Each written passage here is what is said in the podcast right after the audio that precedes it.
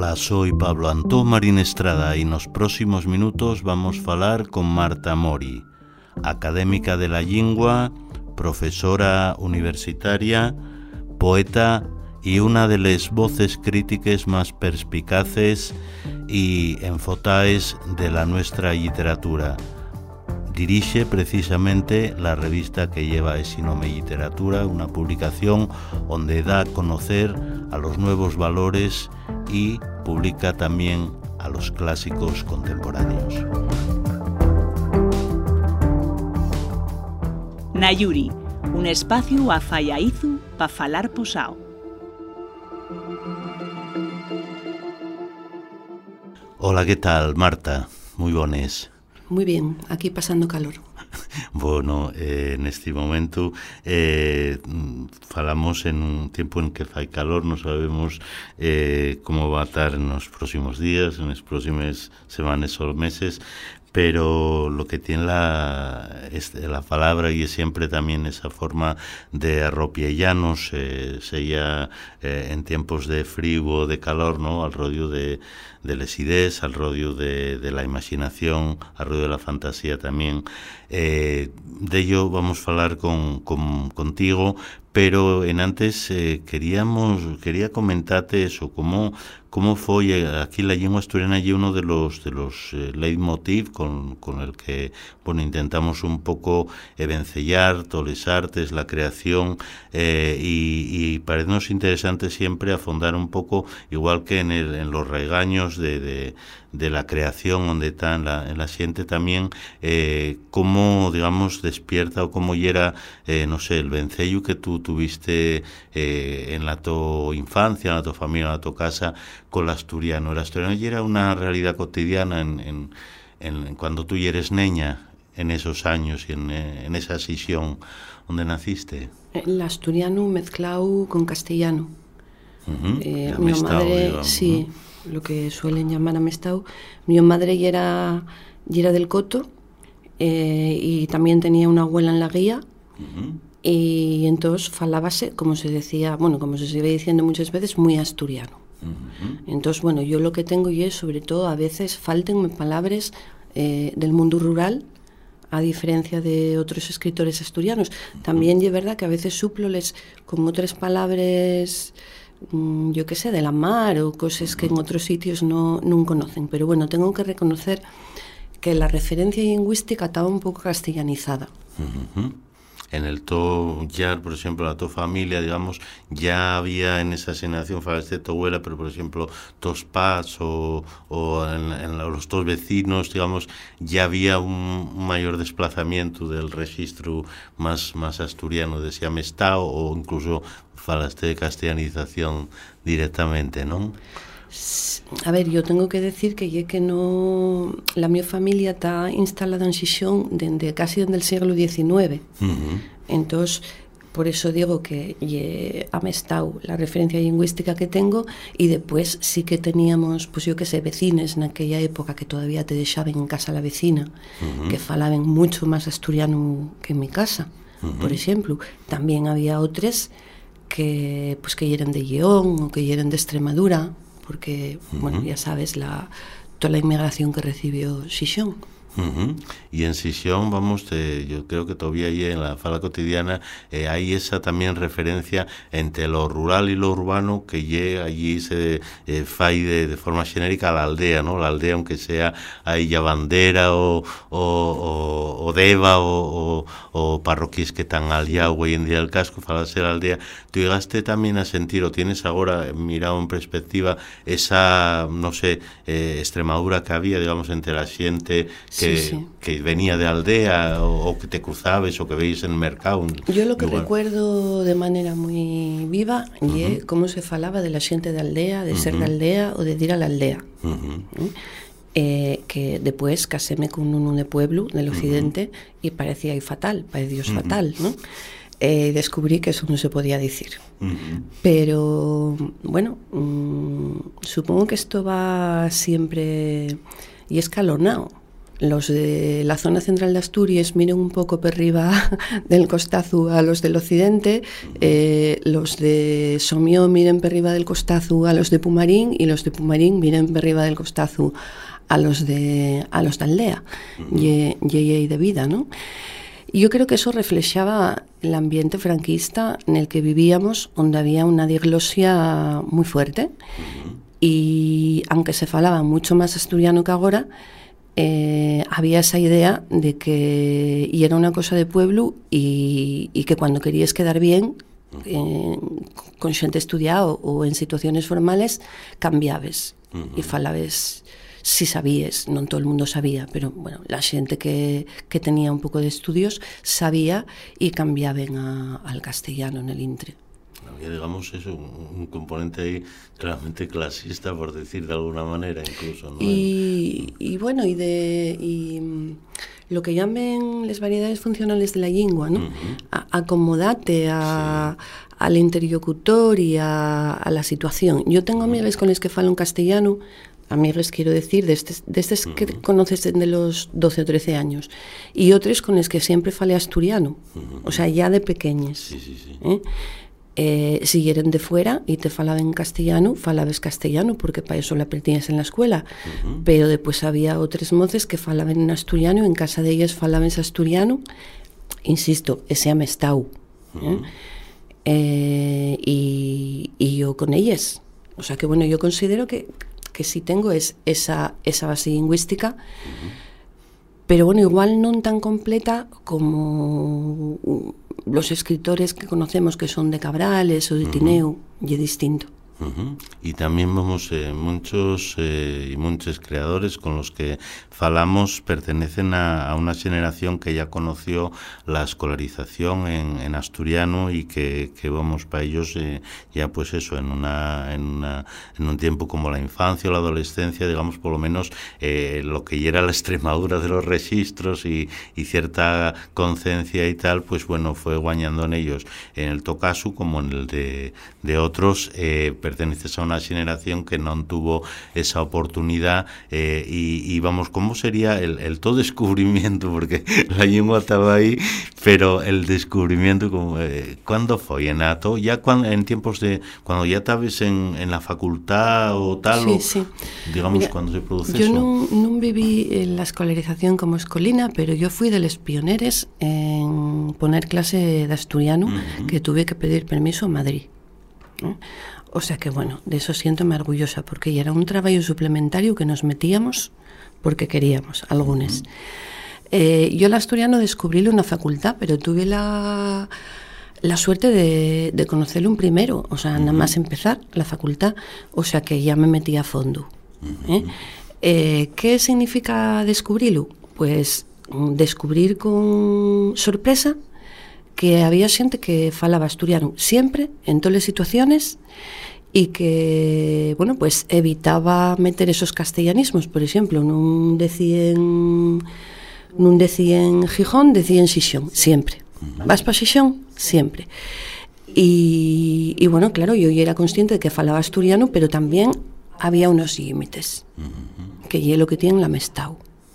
Con la Mestau tú puedes decir tengo mucha fame, pero depois decir eh, Gijón, por exemplo, na, na mesma frase, non? E, e descubrir el asturiano como unha reivindicación e como unha forma de tamén con un vehículo para facer literatura pues, pues fixo que me interesara en conocer la lingua e intentar falar mellor. Uh -huh. Y vamos, en, hablando de literatura, tú tenías, eh, vamos, ya en tiempos, eh, en antes, cuando eres una niña o un adolescente, digamos, tenías ya en Kling, y eres de la típica niña que, digamos, que se interesaba más por los libros que por, no sé, pues otro tipo de, de esparcimientos como tenía la, los niños y las niñas. Yo creo que, que todos estamos contestándote lo mismo, ¿no? Uh -huh. Cuando te dediques a escribir, pues fuiste eh, un niño o una niña que a los seis años estaba con las narices metidas en el tebeo uh -huh. y mientras los otros estaban jugando a fútbol o a la comba uh -huh. o a lo que fuera, claro, llegué hasta la etiqueta del colacao. Uh -huh. Y ella sin parar. Y, y, cuando, vamos, por ejemplo, en tu etapa, tanto vamos en la escuela que te tocó, tocó la HB como en el instituto, ¿tuviste eh, maestros o profesores eh, que, te, que te afalaron eso, que te ayudaron también a, a cultivarlo de alguna manera, o que, Sí. o que vamos, en lugar de, no sé, a veces, aunque tengas ya, digamos, ese interés, eh, influye mucho en esos años de formación el ambiente que te encuentres en eso, ¿no? En, en contextos Sí, sí, formales donde la literatura forma parte no ya de la, de la diversión, sino de, de otra cosa. Sí, sí, por suerte yo viví una época onde non era obligatorio facer ciencias se tenías buenas notas.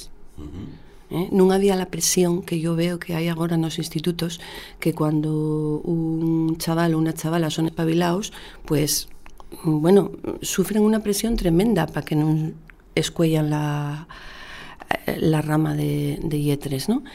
Eh, y todo lo contrario. O sea, yo acuérdome a los siete años mmm, dicime tar dos maestres, unha antigua maestra e outra maestra de ese año falando e diciendo, bueno, esta de maior va a ser escritora. O sea, facer el, sí. el vaticinio non sei por qué, non tengo ni idea, porque non sei en, en que lo podi, en que lo podían mm. notar, supongo que igual lle que aprendí ayer máis rápido, o que falaba mucho, uh -huh. o fabulaba, o, uh -huh. o non lo sé. Sí, sí. Y tuve referencias, tuve unha referencia moi positiva con respecto al asturiano, unha maestra que tuve en en tercero de creo que lle, Vicky, que cantábamos cantares en asturiano e dionos unha visión moi positiva de la cultura asturiana. E tuve unha profesora de literatura en el instituto que, que me marcó e que ella era tremendamente crítica. Non era precisamente Sí, la que decía que el cuento estaba moi bien. Era igual y sacaba Sí, sí. defectos, pero bueno, porque esperaba más de mí. Ujú. Eh, sí, vamos, un estímulo yo creo que seguramente más más determinante a lo mejor que, que el siempre falago o tal, ¿no? Que a veces siempre puede esconder ahí el decir, bueno, Ponerte un reto. claro, ponete y, y ya estaba. Pero y, y cuando digamos y el, y el cuando de, de algún ambiente ves también eh, naces eso, falabes de ese, ese grupo de xente que te encuentres na facultad que falen eh, en asturiano da fechu que, que non só eso dicen sesión e tal, sino que, que digamos que lleven esa, eses converses a todos os contextos con intención cuando y ahí también cuando descubres digamos la, la propia literatura en asturiano que seguramente a lo mejor Sí. de algunas de estas personas también o cultivaban o también en Sí. algún grupo o no, de algo eso y ahí también ese descubrimiento ya como lectora de, de algo contemporáneo ¿no? Sí. Eh, bueno, según estás falando tú, voy recordando cosas. Tengo que decir que eso de que el asturiano lo descubrí en la facultad y es relativo, porque yo acuérdome perfectamente de, de la época del furor de Nuberu, de Julio Ramos. eso influyó Eh, también todo eso Bueno, en casa la mi hermana y yo non poníamos outra cosa en el cassette más que y íbamos a velos porque en Xixón, bueno, pues da cuando había Sí. actuaciones sí. eh, gratis y tal. O sea que te- yo, digamos que tenía una actitud muy, muy favorable. Y después al llegar a la facultad, pues conocí a Joan Bello, conocí a Berta Piñán, fundamentalmente ellos dos. Conocí a Silberto Llano, que estudió conmigo toda la carrera, a Xulio Vigil, eh, Xaime Priede, que a lo primero escribía Sí. en asturiano, Sí, sí, claro. y después ya a través de ellos pues fui conociendo xente como Emilio Rodríguez Cueto o a ti conocíate un pouco de vista eh, a Sánchez Vicente. Entonces eso bueno eso acompañó todo lo que foi la, la formación mía como filóloga Cierto, y ahí vamos, aunque eso que fuiste eh, coetánea y, y compañera de, de estudios de muchos de esos nombres, como bien acabas de decir, pero sí casi el, el, la to decisión o digamos el dar el paso a, a, a la creación literaria pel, pel Tollau, mm, vamos, esperó un pouco todavía, ¿no? O sea que Sí. non, se, te sentís a lo sí, pero segura o de lo que de lo que non se, de lo que non me sentía segura y era de si escribía bas- lo bastante bien eh. Mm, yo empecé a andar con esta xente porque queríamos montar unha revista e a mí gustaba me escribir. Pero bueno, tuve unha crisis de seguridade en mí mesma eh, e metíme máis pola crítica literaria. Uh -huh. E eu tengo unha tesis de teoría literaria e tuve muchos años estudiando ¿no? de la literatura desde un punto de vista máis teórico. E non escribía en asturiano ni en castellano, quero decir que non, non sí. era un non era un problema de idioma. Hubo un momento, eh, cuando tenía veintipico años, después de terminar la carrera, que me apeteció empezar a escribir poesía, salióme así de repente, y debí escribir como dos o tres poemas en castellano y luego dije, voy a escribirlos en asturiano, qué tontería. Uh -huh. Y escribí en asturiano y eso llevábalo yo muy en secreto. Uh -huh. Porque hasta que no tenía pues non recuerdo, pero 30 ou 30 e pouco, no, non me atrevía a enseñar esos poemas en asturiano. Uh -huh. Preguntábame se escribía e dicía que non. Porque la escritura, o sea, independientemente de la lengua que, en la que se escriba o las motivaciones, pero tienen también ese, esa parte que llega algo muy personal, ¿no? Tanto el fecho de, de escribir como de, de darlo a conocer, ¿no?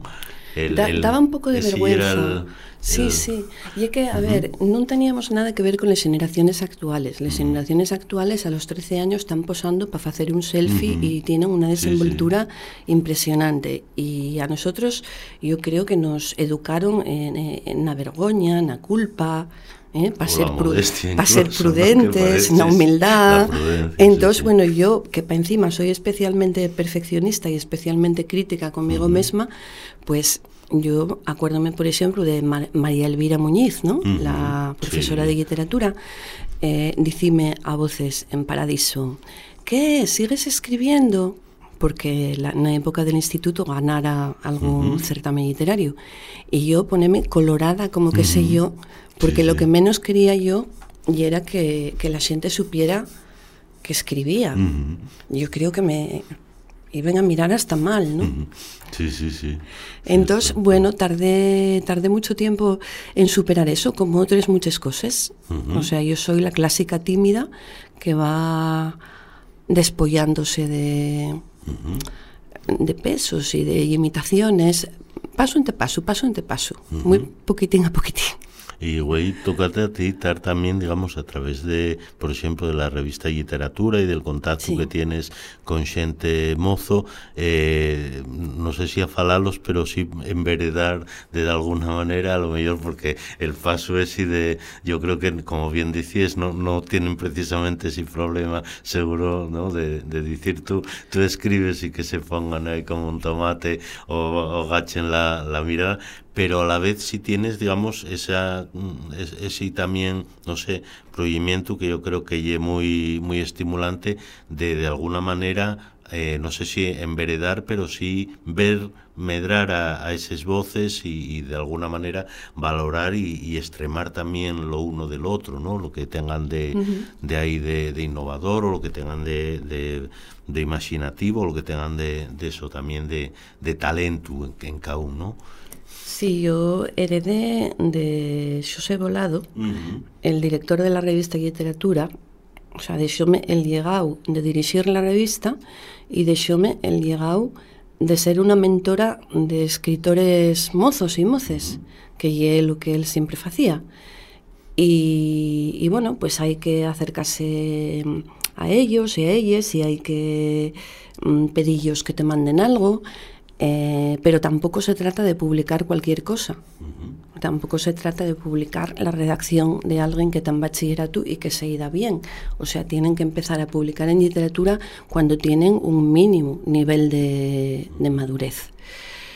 Eh, de todas maneras, tengo que decir que es muy distinto a, a como éramos antes y no cuesta nada no cuesta nada conseguir que te manden los inéditos que tienen y, uh -huh tienen mucha desenvoltura.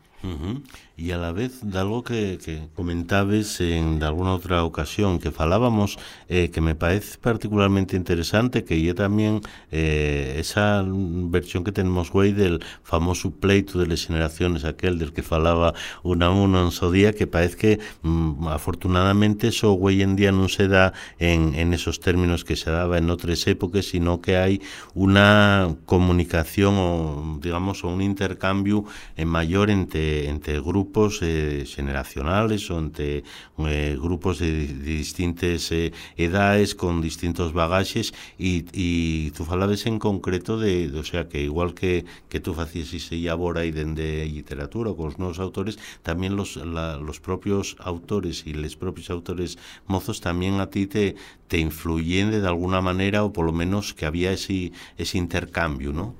Sí, sí, sí. Bueno, lo de que non hai engarradillos generacionales hai conatos uh -huh. ¿no? hai discusiones uh -huh. a veces eh, ya sabes, pues, sobre todo sobre qué tipo de, de cosas hay que escribir asturiano, uh -huh. si, si non sería mellor, en vez de escribir poesía, pues facer unha literatura máis comercial para llegar a máis xente, o sea, hai polémicas, vamos uh -huh. a decir, Pero bueno, e é verdad que non hai un, unha rotura xeneracional tan grande como hubo, por desgracia, nos años 80, onde nun momento determinado, pues hubo xente que se puso nunha posición e hubo xente que se puso noutra posición e non sempre tenía que ver con razón de edad, uh -huh porque tenemos aí, por exemplo, a xente como Miguel Rojo que, que taben con los más mozos, ¿no? Uh -huh.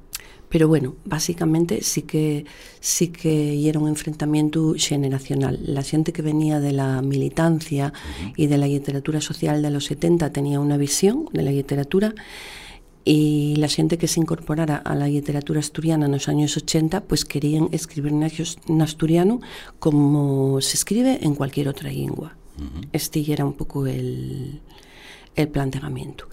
Entón, agora eh, tenemos de todo. Hai esas polémicas, hai muchos xéneros que antes non se cultivaban, hai corrientes bastante distintas, mesmamente dentro de la poesía tienes desde la poesía moi coloquial, pensada para la declamación, tipo máis slam, como por exemplo, la del Suárez, hasta poesía más hermética como la de Priegue o poesía todavía preciosista, ¿no? Uh -huh. Como cuando escribe, por ejemplo, Joan Bello, que sigue, bueno, pues eh, teniendo así ese procuro maravilloso por el lenguaje. Uh -huh. mm, y a mí lo que más me presta é mm, déxame influir polos máis nuevos e que me enseñen cosas. Uh -huh. Porque están facendo cosas nuevas. Por exemplo, Yamedo escribiendo con planteamientos filosóficos uh -huh. María García Díez deixándose llevar a la física cuántica uh -huh. o ese coloquialismo esa, esa poesía más de combate ¿no? Uh -huh. que se parece más a la que había nos 70 que encontramos en, en autores, no sé, en Daniel García Granda, en Iván Cuevas y a mí últimamente también dio un poco por ahí. Uh -huh. Y vamos, si te tuviera que hacer una pregunta difícil, como que, que lleva a ti, o sea, después de, de este bagaje y donde, digamos, ya una vez que, que, que vas haciendo también el tu propio camino, eh, en paralelo a, esa, a ese labor crítico y de observación, pero el tu propio camino creador, eh, ¿qué sería para ti la literatura y, por qué eh, seguir escribiendo en asturiano? Y a lo mejor una pregunta que no se, se responde así en, en dos frases. Bueno, son dos cosas distintas, uh -huh. ¿no? En verdad. Sí, son dos preguntas. Sí. sí. Eh, la literatura para mí es la mitad de la mi vida. Voy a decir esto porque tengo que dejar a la familia la otra mitad. ¿Eh? Tengo fíos, sería muy gordo no decir la literatura y el todo. Eh, no, pero bueno, y la actividad, digamos, el, ecos el ecosistema que habito, ¿no? La actividad que más tiempo me lleva porque si no estoy escribiendo estoy yendo estoy haciendo crítica o estoy montando la revista y, y, y falando con escritores.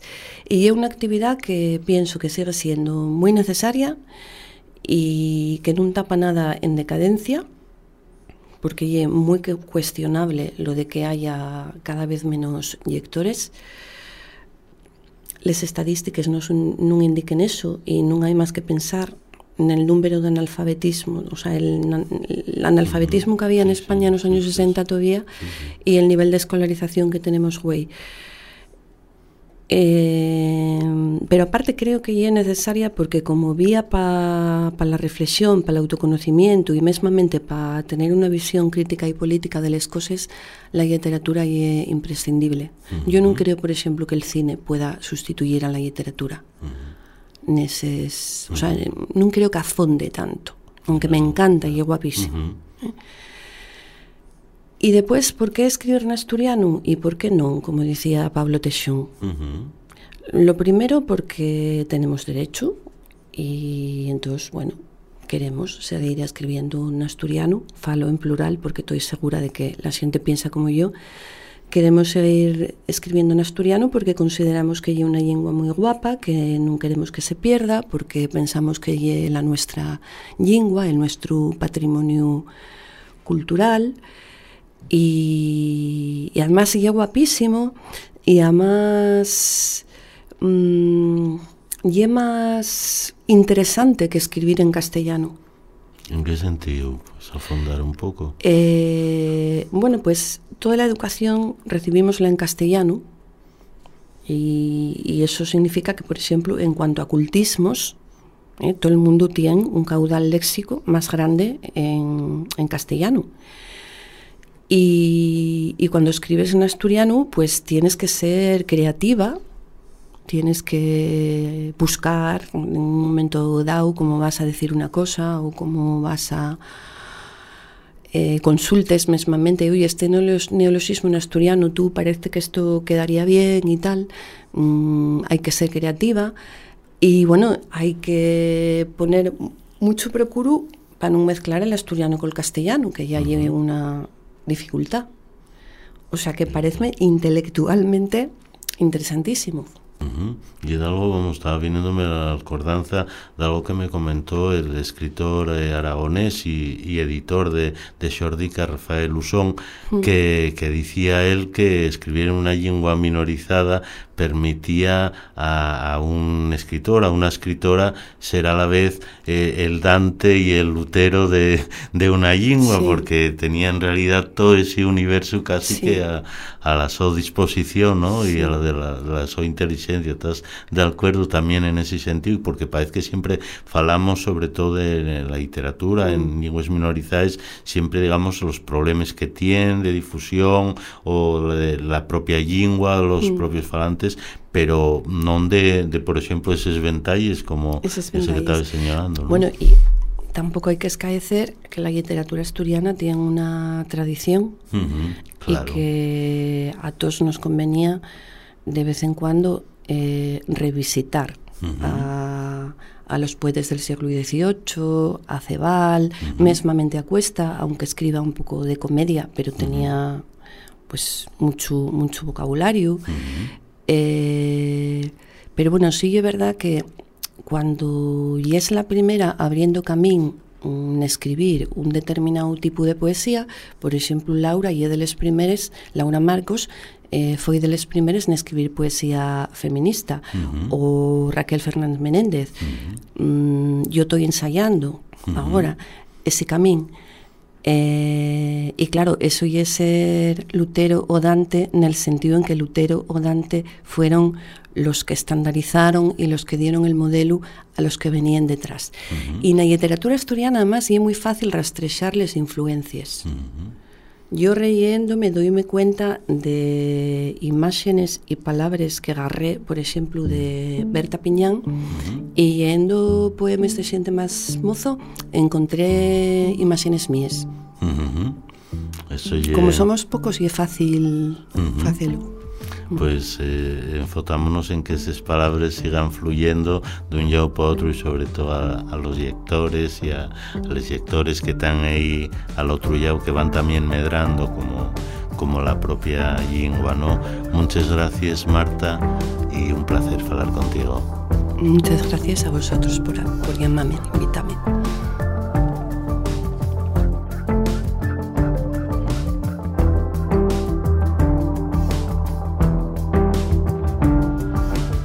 Na Yuri, un espacio a faiaizu pa falar posao.